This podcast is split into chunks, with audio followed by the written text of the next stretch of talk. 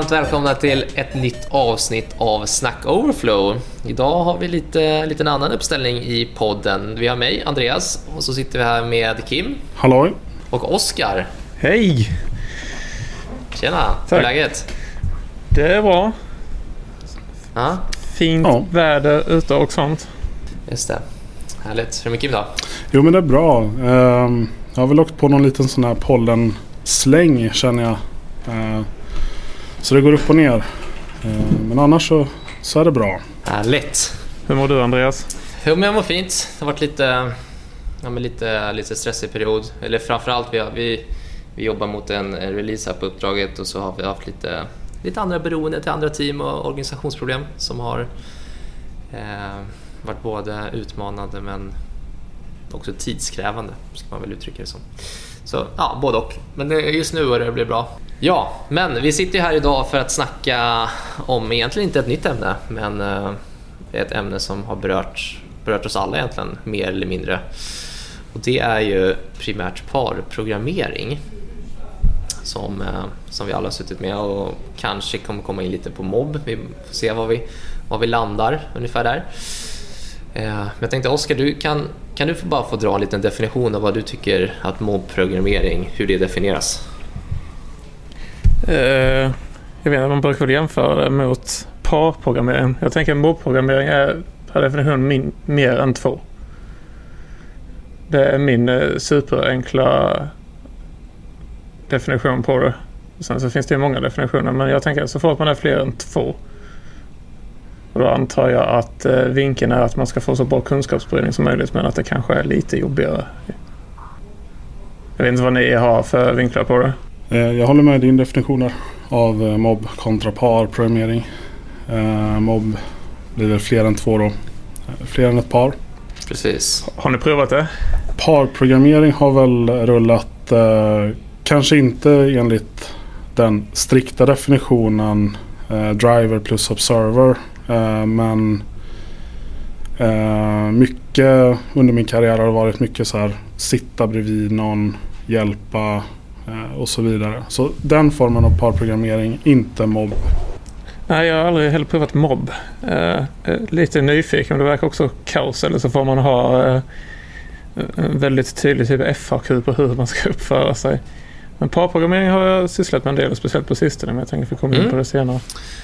Absolut men jag tycker också lite som ni säger att parprogrammering är väl det som vi har suttit mest med men också tycker jag att parprogrammering har varit, ett, ett sätt för att kompetenssprida mer än att kanske primärt utveckla tillsammans. Ehm, det är rätt ofta att man, man säger att man parprogrammerar när det kommer in nya medlemmar i ett team för att, för att kompetensöverföra och egentligen se så att den nya personen hänger med eh, och förstår kodbasen och, och liksom problemområdet som man, som man har än att kanske sitta dagligen att, att utveckla.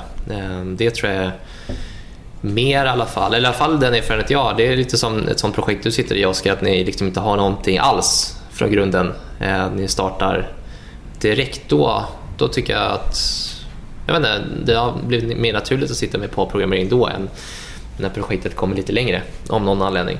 Ja, det har absolut varit nyttigt Eh, speciellt när det kommer till, som man är bra på. Eh, jag sitter tillsammans med Mattias som också sitter i den här podden Allt för jämnan. Eh, och vi sitter på samma uppdrag och har fått chansen att bygga någonting från grunden. Och det är bra. Jag skulle säga att det för oss har det varit bra på vi är bra på olika saker. Så den som är bra på mm. någonting tar lead. Eh, men också när det är det bra när vi när det är saker som ingen av oss kan. Så vi har skrivit en hel del Terraform och det eh, kunde ingen av oss någonting om egentligen förutom att vi visste ungefär vad för problem det löste. Men då har vi, jag vet inte vad man ska kalla det, parprogrammerat, men vi har kaosprogrammerat eh, Terraform och bara suttit och skrivit i, vi har använt VS Code LiveShare.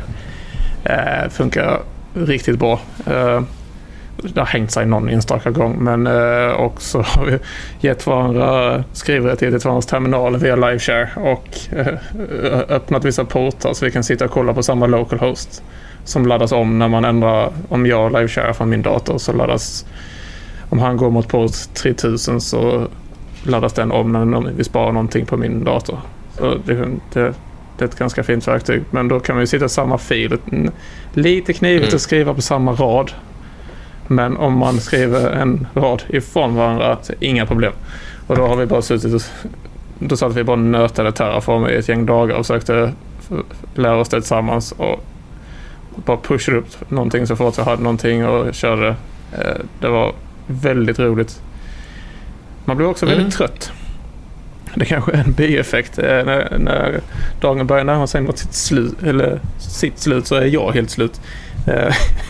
Eh, så jag somnade faktiskt väldigt gott på kvällarna sen jag började jobba med Mattias. Jag vet inte jag vet inte om det är Mattias eller om det är parprogrammeringen. Vi låter det vara osagt ja. helt enkelt i den här podden så får, så får ni reda ut det ja, senare. Det tänker jag. Men om vi, om vi backar bandet lite ja. och snackar kring, kring parprogrammering som, som koncept. Um, Kim, har du några liksom åsikter eller bra exempel på när parprogrammering faktiskt fungerar? För, för vad för typ av uppgift respektive inte? Ja, men vi har ju nosat lite på det och det är ju eh, kanske direkt i, i så här projektstart. När man inte vet vad man ska hitta på riktigt. Eh, man vill etablera då eh, bra best practices kanske. Eh, hitta bra designmönster. Lära sig Terraform. Ehm, där ser jag en ganska stor fördel med att köra parprogrammering. Eller joint session via liveshare eller någonting. Eh, sen, är, sen är det väl också den här... Eh, jag vill undvika att kalla det senior junior men med brist på bättre ord så en sån konstellation är ju väldigt bra om du ska ha en form av kompetensöverföring mellan erfaren och mindre erfaren eh, teammedlem. Och även nya in i ett team.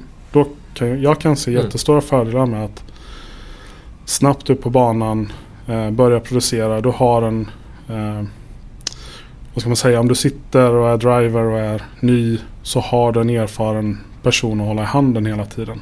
Ja men precis, så jag tycker som du säger Kim, det är viktigt att särskilja där. Man kanske inte ska så att de som lyssnar förstår att när vi, när vi snackar senior junior så är inte det antal år eller liksom kompetensmässigt generellt utan det är ju senior junior i teamet. Eh, och då handlar det om att liksom domänkunskapen mer än den praktiska tekniska problematiken vi snackar om. Eh, har man mer domänkunskap, då förstår man också problemområdet bättre mm. Eh, än den som kommer in. Det känner ju alla till att de första, första veckorna i ett projekt är ju bara greppa en förståelse oavsett eh, hur senior i branschen man är.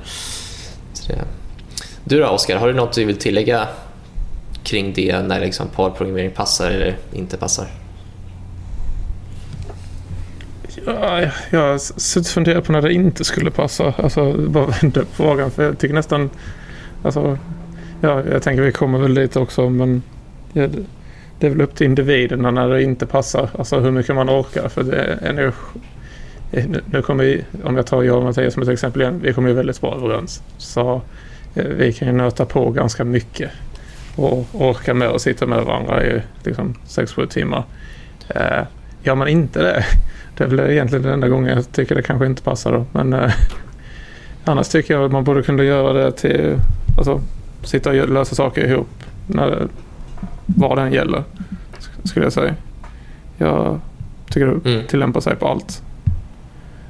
Jag, jag är jättefärgad av mm. eh, mina senaste erfarenheter så jag ska försöka vara objektiv här. Men...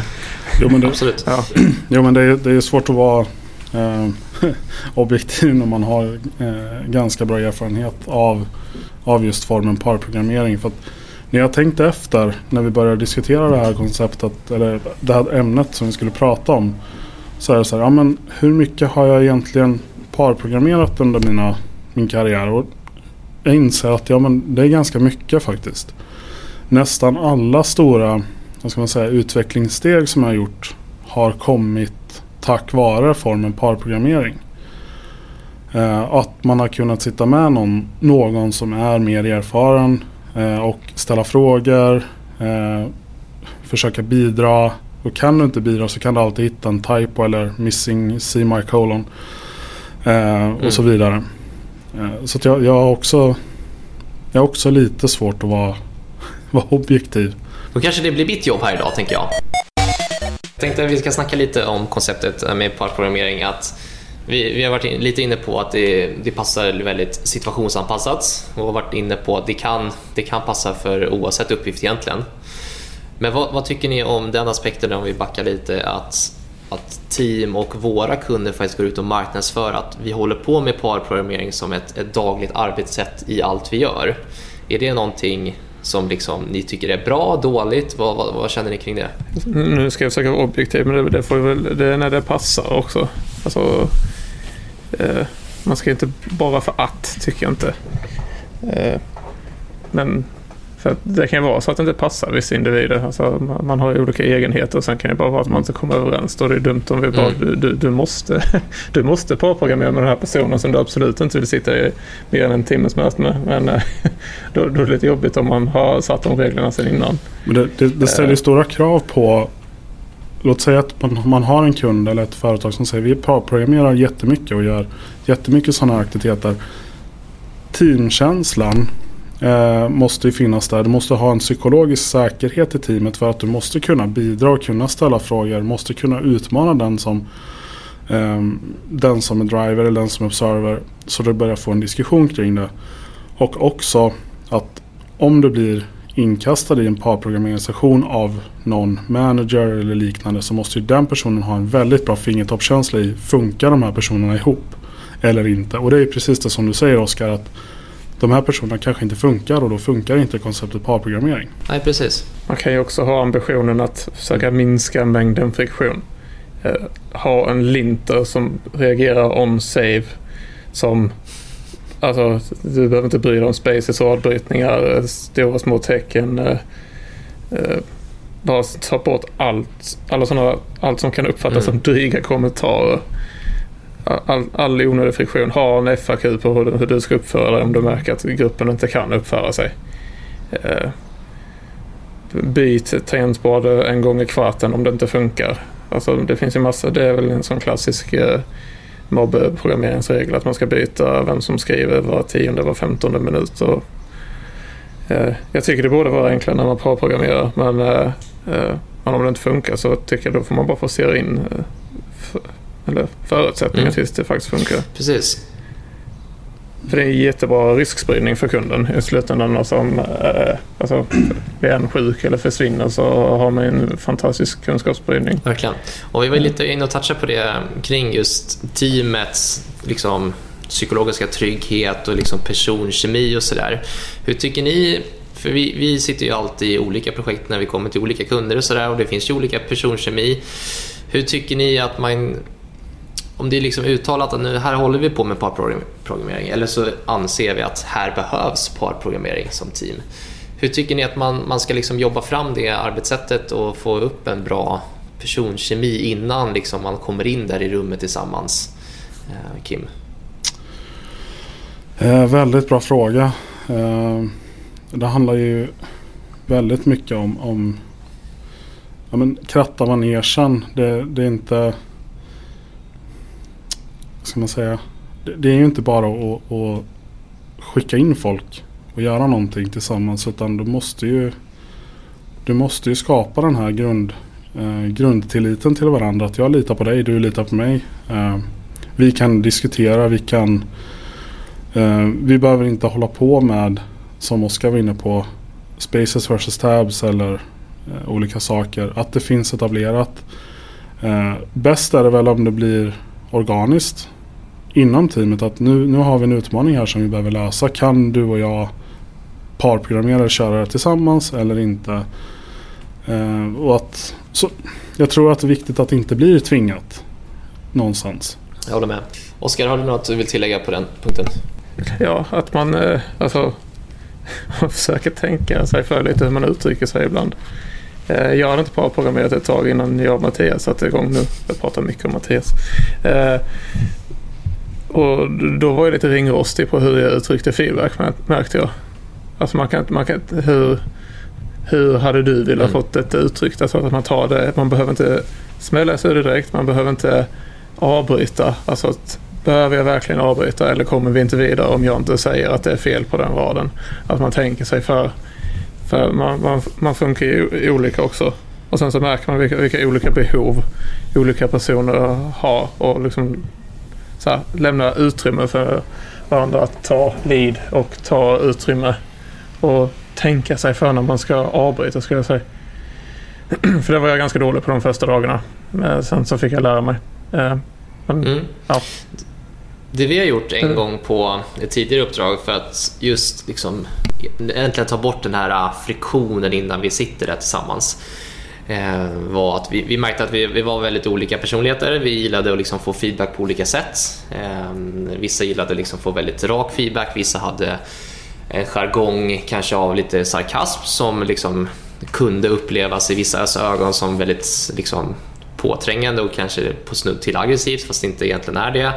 Ehm, så det vi gjorde var i det teamet det var att vi satte oss ner och, och bollade egentligen hur, hur man får feedback och hur, vilket, vilket sätt man tycker om att få feedback på. Precis som du säger Oskar, att som du själv märkte, det är inte alltid folk som märker det, att när man ger feedback hur man, hur man faktiskt låter. Men vi, vi satt oss och gjorde en liten gruppövning och, och snackade igenom eh, där varje person i teamet fick, fick gå igenom så här, så här tycker jag att min kommunikation är och så här tycker jag om att få kommunikation eh, och få, och få feedback. Eh, och det var faktiskt en möjliggörare för oss i det teamet för att kunna hålla på med, med parprogrammering. Eh, annars hade nog det, det hade nog mest eh, annars lett till bara liksom frustration och friktion mellan oss eh, som egentligen inte hade ja, givit något värde till, till kunden i slutändan. Men då ska jag också tillägga, det här var ju ett, ett nytt team och det finns ju den klassiska Eh, teamkonstellationer när man kommer in som ett nytt team, att man försöker hitta sina roller som i sin tur, när man går vidare i, steget så utvecklas ens roll i teamet. Vissa är drivare, vissa är lite mer tillbaka, vissa är mer analytiker och ni, ni förstår hela den här grejen. Eh, men det var i alla fall en, en sak vi, vi provade och funka. Sen, eh, sen har jag inte hört... Sen har jag faktiskt inte suttit så mycket mer på programmering liksom dagligen sen, sen dess. Men, um... men, men de uh, utmaningar ni löste uh, i med det här, var det specifikt mm. bara för parprogrammering eller var det mer för det generella teamsamarbetet? Jag skulle nog säga att det var, det var mer för generella teamsarbetet. Ehm, det var dels att vi, vi började märka att vi vi fick väldigt tydliga roller i teamet och varje, varje roll hade liksom en tydlig expertis inom en viss del i teamet. Ehm, och det, det, spelar ingen roll om det var fronten, backen, utan det kan vara liksom affärsmässiga liksom expertissaker som, man, som folk hade koll på. Så, och då märkte vi att vi vill inte ha folk på, på guldpedestaler på, på nyckelroller för det, det räcker att en är, en är sjuk eller en liksom byter uppdrag, en slutar och då, då sitter vi där. Så det, det var den, den främsta anledningen till att vi började med parprogrammering. Det var att sprida kunskap och eh, för nuvarande funktionalitet och sen för eh, både sprida kunskap men också öka samarbetet och bygga egentligen bättre, bättre saker framåt tillsammans. För vi hade också märkt att vi hamnade i den situationen. eftersom vi, var, vi var ett team som jobbade liksom på våra egna kammare i olika silos eh, fram och tillbaka och då, då märkte vi att eh, i vissa fall så byggde vi ju liknande saker eller som egentligen skulle kunna liksom eh, mergat ihop och, och byggts tillsammans. Så det var, det var främst för, för team, teamkänslan och teamsamarbetet men det var också för, för egentligen kvaliteten på produkten vi, vi utvecklade. Jag fick en idé nu, en tes. Så, alltså, den bottnar inte i något egentligen, det är bara ett påstående. Att jag, jag tror, efter jag lyssnade på dig nu Andreas, att man, om man är nya i ett team. Om man hade kunnat bärga på plats ihop, alltså vara fysiskt bredvid varandra. Så tror mm. jag hade underlättat. För jag gjorde en grej häromdagen. För att, att när man sitter remote och gör det. Att inte säga någonting är också att säga någonting.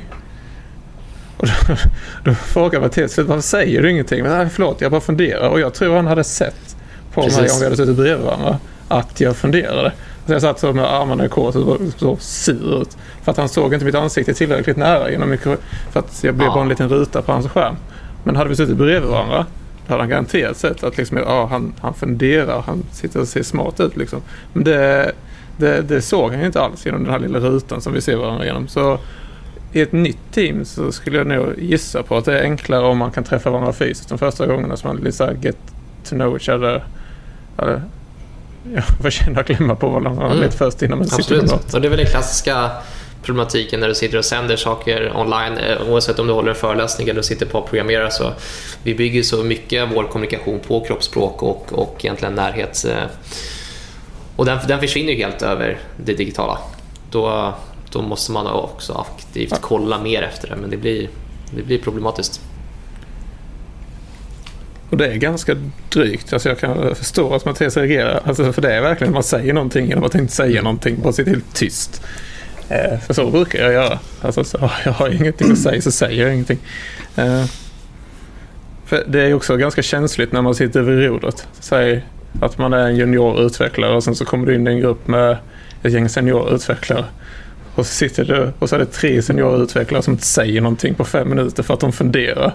Då har jag varit livrädd. Jag hade bara stängt eh, ja. kameran och lämnat mötet. Jag hade inte klarat av det. Precis, och då är det mycket bättre i det sammanhanget att säga så här att jag ska bara fundera lite. Eller jag funderar lite. Mer kommunikation ja. är ju alltid lösningen på många, många av våra problem. Ja, absolut. Men då har vi varit inne lite på tips och tricks för att egentligen få till ett bra arbetsflöde i grupperingen men också vilket liksom, hur man kan underlätta personkemier. Någonting på de två puckarna som ni vill tillägga någonting?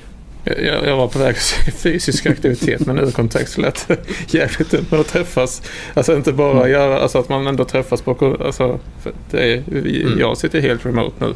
Och det, det har ju sina utmaningar. Men om, om, man kan så tror jag att träffas, alltså inte bara jobba ihop. Alltså att lära känna varandra lite. Eh, för jag tror det är många som Absolut. kan ha den utmaningen nu framöver. Eh. Det tror jag verkligen på. Jag tror att för att ett team ska må bra så måste det få till fysiska träffar. Eh, sen så kan man absolut gå Ja, det lät också lite konstigt. Men eh, jag, ja. jag tror att man måste fysiskt träffas i alla fall. För, I alla fall i början för att lära känna varandra. Sen så tror jag helt på idén att man kan jobba remote, man kan, man kan ses ibland. Men oftast de team jag har varit mm. inne så behövs man liksom ses i verkligheten. Gärna över någon social aktivitet med, med jobbet. För liksom, det är ändå människor vi jobbar med och det är kollegor. Och känner man inte varandra i alla fall på en hyfsat mänsklig nivå så, så tycker jag att det kan bli svårt att samarbeta. Mm. Man... Teams-fiken är lite stela. Så här, svara på quiz och sånt och så ska ja. alla prata samtidigt. Det, mm, Nej, men man, jag tror inte man ska underskatta den, eh, den aspekten som vi, som vi är inne på. Eh, ja, den är viktig. Om vi eh, går vidare lite och snackar nu har vi lite olika erfarenhet av parprogrammering men de flesta av oss har ju mer eller mindre i alla fall suttit i det hela karriären. Oskar har ju precis kommit in i den här gyllene eran och är helt hög på livet här och tycker att det är, det är fantastiskt. Ja. Så, det kanske är bra att börja med den frågan för dig då Oskar. Hur, eftersom du är fortfarande liksom väldigt hög. Hur, eh, har ni stött ja. på några konflikter? Än? Nu är det bara du och Mattias, men har ni stött på några konflikter som ni har behövt lösa på något sätt ännu? Eh, vi har varit oense mm. om saker. Men sen, eh, alltså, jag och Mattias kände varandra sen innan också, och vi går mm. lite på samma våglängd. Och, och försökt vara eh, objektiva. Och sen så bara vissa grejer vi inte är helt nöjda med. Jag vet att Mattias är lite sur på att jag vann ramverks kampen lite så vi kör ju React nu. Det, så, så det, det har, han är inte alltid riktigt nöjd och det kommer en liten känga ibland att React är fult. Men eh, jag, jag biter ihop. Eh, och sen så vissa grejer vinner han liksom. Så att, men jag, man löser för, I slutändan så gör man ju saker åt kunden för det mesta. Så det som är mest objektivt för kunden. Men eh, alltså, annars har vi faktiskt inte clinchat så mm. hårt. Men jag tycker vi anstränger oss också för att eh, Eh, ja, visa lite hänsyn, tänka på hur man uttrycker sig som vi var inne på innan, pausa lite. Uh, ja, typ så. Uh, annars uh, hade det nog varit svårt. Vi, vi har ju pratat om vad som har hänt för vi är båda, vi, vi är båda lite typ av samma typ av personlighet. Så att vi hade nog behövt en lite mer organiserad person ibland. Frågan är vad som har hänt om man hade slängt in en mm. tredje spelare. Det är inte säkert att det hade varit lika harmoniskt som det är just nu.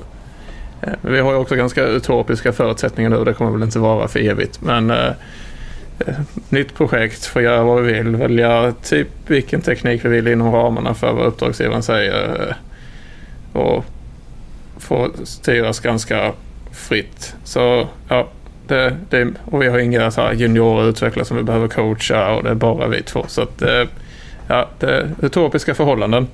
Väldigt, väldigt roligt. Så jag försöker insupa den här tiden medan den är här. En dans på rosor just nu med andra ord. Ja, väldigt roligt. Jag tror vi har tagit det lite för långt också. Alltså för vi ska typ par göra allt. Vi, vi har par skrivit mail.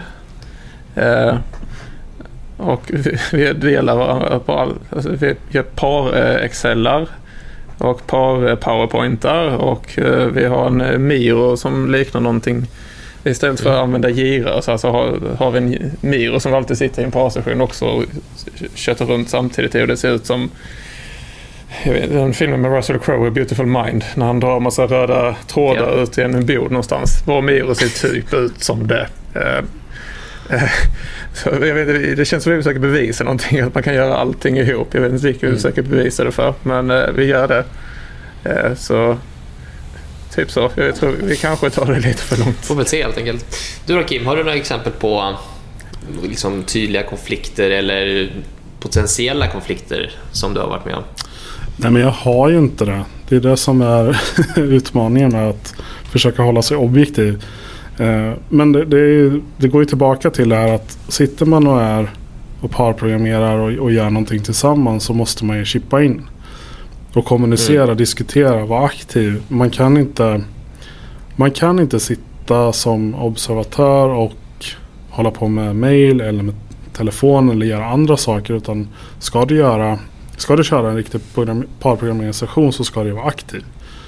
Och då, mm. då löser du ju saker på, på liksom vägens gång. Att du ställer frågor varför gjorde du så nu eller ska vi göra så här? Och man diskuterar då under tiden. Ehm, det, det, som, det som kan hända det är som sagt att någon känner att okej okay, men nu är det bara jag som är driver. Nu, nu gör jag allting här så då kan jag lika gärna köra själv. Uh, och mm. den är ju klurig att, att få till. Att... Den tycker jag är viktig. För att det, det landar ofta i liksom att den som kör måste vara tydlig, berätta vad de gör. Nu Precis. hoppar jag till denna filen, jag skriver så här. Nu tänker jag så här, hur tänker du? Men jag, nu på den sista tiden har vi sysslat mycket med grejer som Mattias är bra på. Så då har han kört liksom. Men då så fort jag tycker det går för snabbt så säger jag paus. Så fort jag inte förstår någonting så måste han förklara vad han gör. Alltså det är lika mycket för co-driven. Mm. Alltså det är lika mycket upp till co-driven skulle jag säga. Att sessionen funkar. Uh, helst om man sitter längre sessioner för då är det väldigt lätt att glömma bort när man Precis. sitter och skriver. Så att det är precis lika mycket ansvar skulle jag säga för den, de, den eller de som sitter och tittar på. Att om man inte förstår. Och du nämnde, du, du använde ett annat ord än vad jag gjorde. Jag säger observatör men du säger co-driver. Och det är ännu, ännu tydligare i vad, vad den personen egentligen är. Att du är en medförare. Eh, kanske en kartläsare till och med. att okay, du, Någon trycker på gasen och styr men du säger vart den ska styra liksom. För man hamnar i lätt sådana situationer. Alltså, nu vet ingen vad vi ska göra. Och då börjar mm. man tabba och så ser man inte varandra längre och så ser man inte i vårt fall VS Code längre och så sitter man och googlar. Sen var det rätt för det så har man liksom Ja, har det gått fem minuter båda strött på ett varsitt Google-spår och så, då måste man liksom kny- Var är du nu? Var, mm. var, var är vi nu? Var, var var vi? Alltså var ska vi framåt? Varför, alltså, det, och det, det händer ju när man har suttit ett tag. Alltså när man börjar bli trött pauser skulle jag säga är viktigt också. Mm. Jag försöker oh, komma in med här. Uh, så nu tar vi paus. Uh, det får man bli ganska körig. Ja, men det är ju på något sätt ett annat, ett annat typ av fokus att sitta och vara fokuserad när någon, faktiskt någon annan sitter och skriver hela tiden. Mm. Men om inte jag minns fel nu, om vi bara backar lite. Mobbprogrammering och parprogrammering. Visst är det så, är mobbprogrammering den som faktiskt sitter och, och slår på tangenterna, den ska inte ha jättemycket input i hur koden faktiskt skrivs utan den är ju utföraren mm. av det de andra sitter mm. bakom, eller hur? Ja, men pre precis som en, eh, om man jämför med en rallyförare liksom, med, med en kartläsare bredvid. Du ska köra, du ska gasa, du ska bromsa och, och svänga. Men kartläsaren mm. säger åt vilket håll du ska. Precis, och det tycker jag oftast, i alla fall min erfarenhet av just parprogrammering och målprogrammering, jag tycker att det, det är tydligare i målprogrammering att det ansvaret är så. I parprogrammering tycker jag ja, men vi sätter den, den mest lämpade personen vid tangentbordet och så kör den. Ehm, och så blir den andra bakom, inte en kartläsare, utan den blir en observatör. Mm. Ehm, och det är väl lite, jag vet inte, det är på något sätt något som har blivit fel tycker jag. Och, och då måste man ju vara, vara så pass uh, uppriktig med sig själv i det, i det läget att okej, okay, men nu kanske vi ska switcha istället. Nu kör du.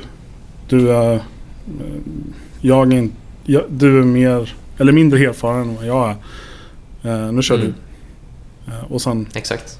Så att, in, så att inte jag sitter bara som, som i ett läge där jag är mest erfaren och gör allting.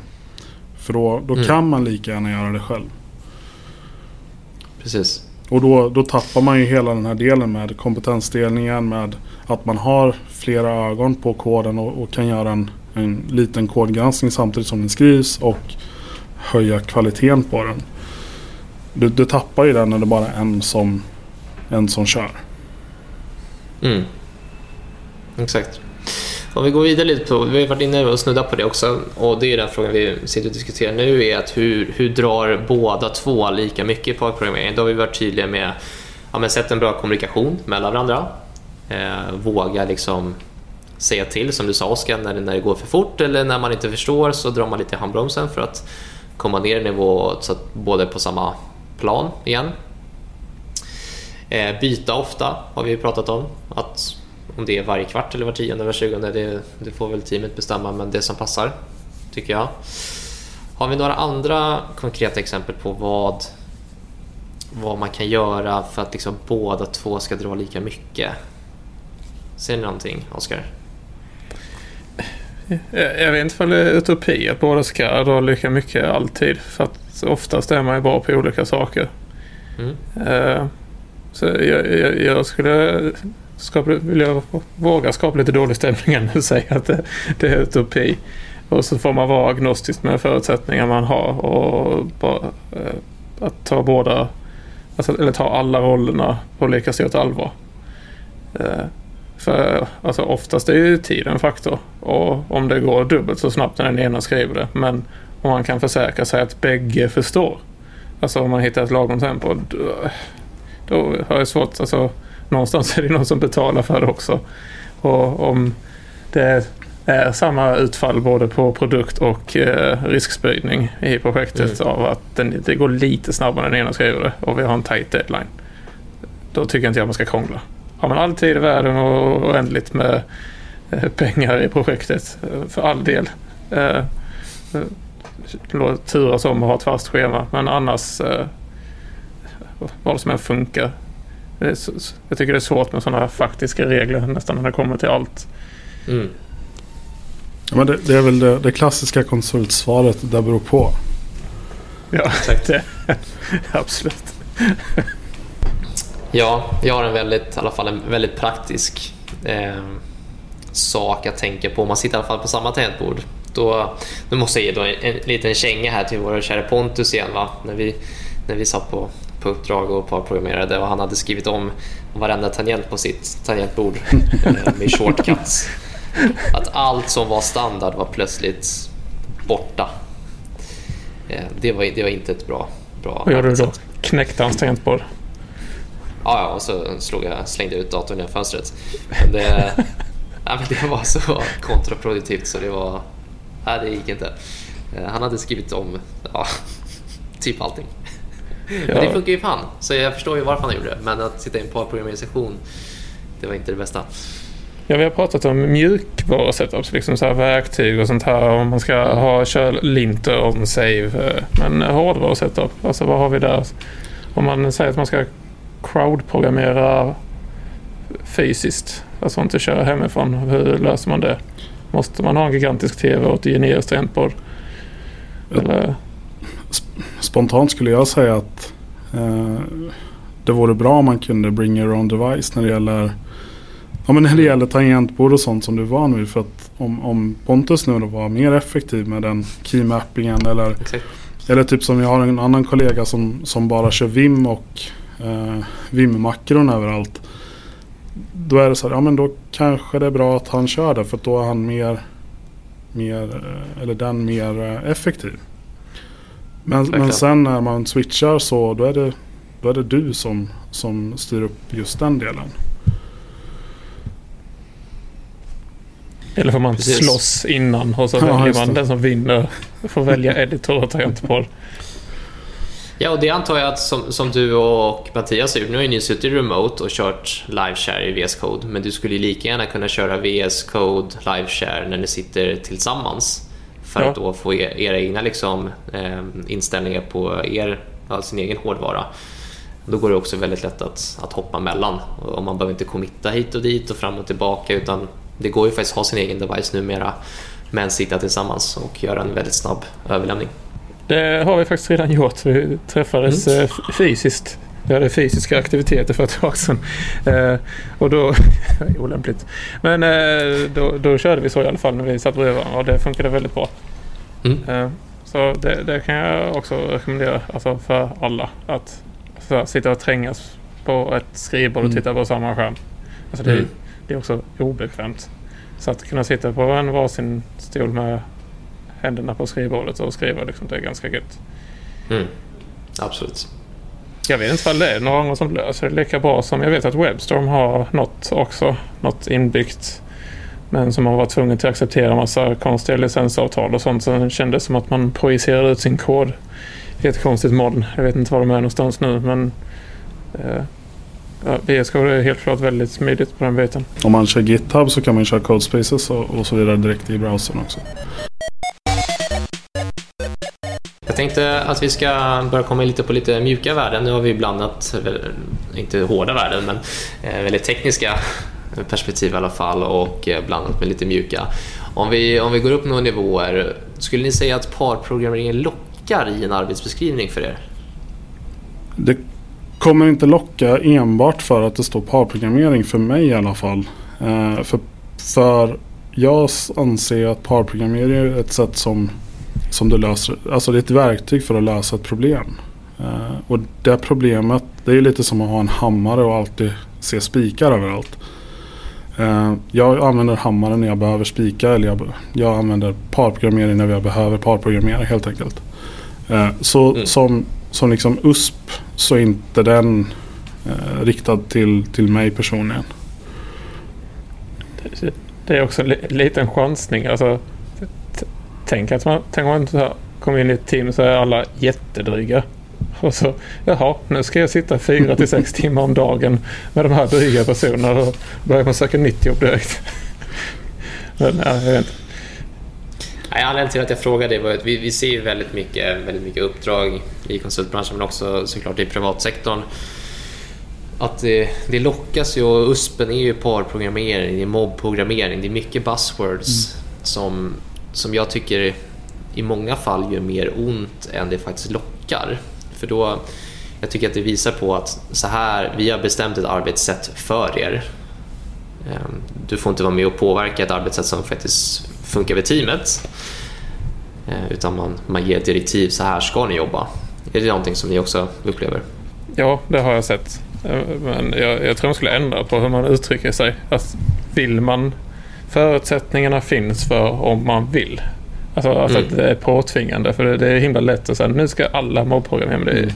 det passar inte alla. Alltså det, det, det vågar jag ändå påstå. Att alla tycker inte om att parprogrammera eller mobbprogrammera. De vill sitta själva på sin kammare och så, så får det väl vara då tänker jag. Alltså risken är att man kanske blir av med de personerna annars. De kanske utför ett jättebra jobb själva. Mm. Men jag kan förstå varför det, det, det det uttrycks som en USP också. För att parprogrammering och mobbprogrammering har ju en indirekt kostnad kopplat till sig eftersom det sitter flera personer och jobbar på samma, samma task eller samma problem. Eh, och då kan man inte riktigt se det här för kodkvalitet, teknisk skuld och sånt som vi hela tiden brottas med i vår bransch. Det är svårt att, att, att mäta det och, och, och ge det liksom ett monetärt värde. Så här, vad kostar vår, vår tekniska skuld just nu? Just nu? Eh, och då ser man inte riktigt att okej okay, men om vi hade parprogrammerat eller gjort de här grejerna, aktiviteterna i början så kanske vi inte hade haft den här tekniska skulden. Och då ser man det som en men man ser det fortfarande som en kostnad för att man har fler personer på samma sak. Så att mm. jag tror att det kan vara när man ser parprogrammering och mobbprogrammering i en annons någonstans eller en uppdragsbeskrivning och så vidare så är det okej okay, vi är öppna för att lösa problemet på bästa sätt du kan. Eller ni kan i mm. teamet. Um, mm. Men just det här att vi ja, att jag ska sitta fyra till sex timmar med, med, med ett gäng asdryga personer det kommer aldrig locka. Uh, så. Nej det hoppas jag inte. Det kan ha varit en förenkling från min sida. ja, då vet vi i alla fall att eh, Mattias nu mer är dryg då, Oskar. Absolut, det kan han faktiskt göra sig skyldig till. Mm. Oftast med glimten i ögat. Precis. Jag tänkte att vi skulle mm, börja avrunda lite, mm. lite snyggt här. Ehm, och börja snacka lite. Vi har ju som sagt en sak i den här podden som vi gör varje vecka och det är ju veckans tips. Så jag tänker att Oskar skulle få, få ta den äran och börja i, i, den, i det spåret om du har något, något tips. Ja, nu är jag lite hög på mig själv här. Men alltså, prova att göra, alltså, inte bara koda ihop utan att göra saker alltså alltihop med någon annan. Eh, Mattias hade suttit lite längre på det uppdraget innan, eh, innan mig eh, och hade så här, några fler steg in i politiken och kände, kände människor och hade alla kontakter i sin mail. Så vi började skriva vissa mail och så här ihop bara för att jag ska få Alltså för att eh, han försvinner snart för han får tillskott. Så att då behöver jag ha koll på hur organisationen ser ut och, och sitta och lösa alla sådana organisationsbitar som är ganska tråkigt, som man hjälps åt. Men att våga göra det, nu har jag en bättre överblick på hur organisationen ser ut. Och det var faktiskt väldigt eh, nyttigt. Så tips är att prova att göra tråkiga grejer tillsammans också som liksom inte är kod. Det, ska jag, det kan jag faktiskt värt rekommendera. Snyggt. Du då Kim? Ja, men jag har ett litet, annat, ett litet annat typ av tips här.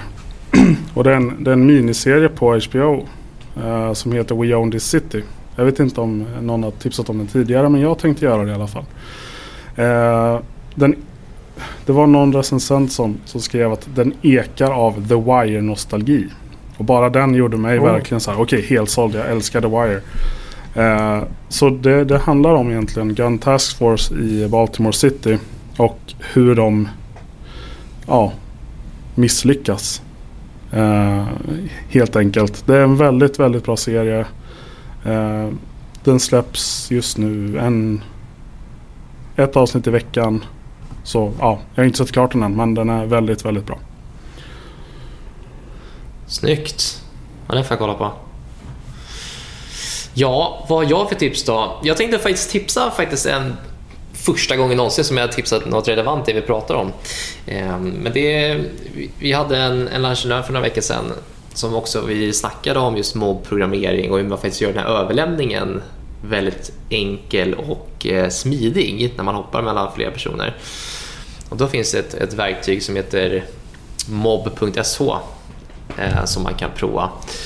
Och det är egentligen det den gör är egentligen att den, den eh, committar väldigt snabbt ut och sen när man kör en man kan säga att man gör en överlämning som gör en initial commit och sen när man vill pusha den här som en slutgiltig commit så squashar den allting och egentligen bara slänger på en commit.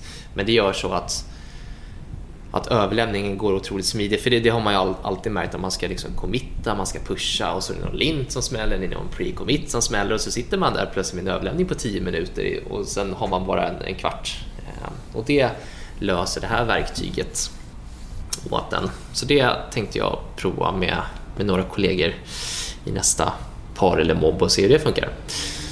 Sen har jag en ett eh, tips till mig själv. Det brukar jag också ha ibland. Eh, det kom ju ut nu en ny React Hook som heter Use Event som ska vara lite performance boost med att ta bort lite onödiga re-renders som jag ska börja sätta mig och bolla med eh, och se om det faktiskt är någonting som, eh, som kommer användas eller inte.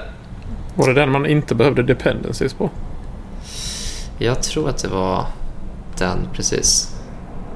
Uh, nu ska jag inte säga att det är så, men det ser ut som det, precis. Uh, först så den ska... med dependencies, sen så tar de fram hooks utan dependencies. sen så tar man bort hooks. Ja, snart tar vi bort hooks. Så det, det var mitt tips för veckan. Okej, då ska jag kolla. Mm. Något avslutande ord från någon? Parprogrammera mera. Mycket bra. Det är framtiden. Tack för oss. Ha det fint. Tack för idag. Hej. Hej.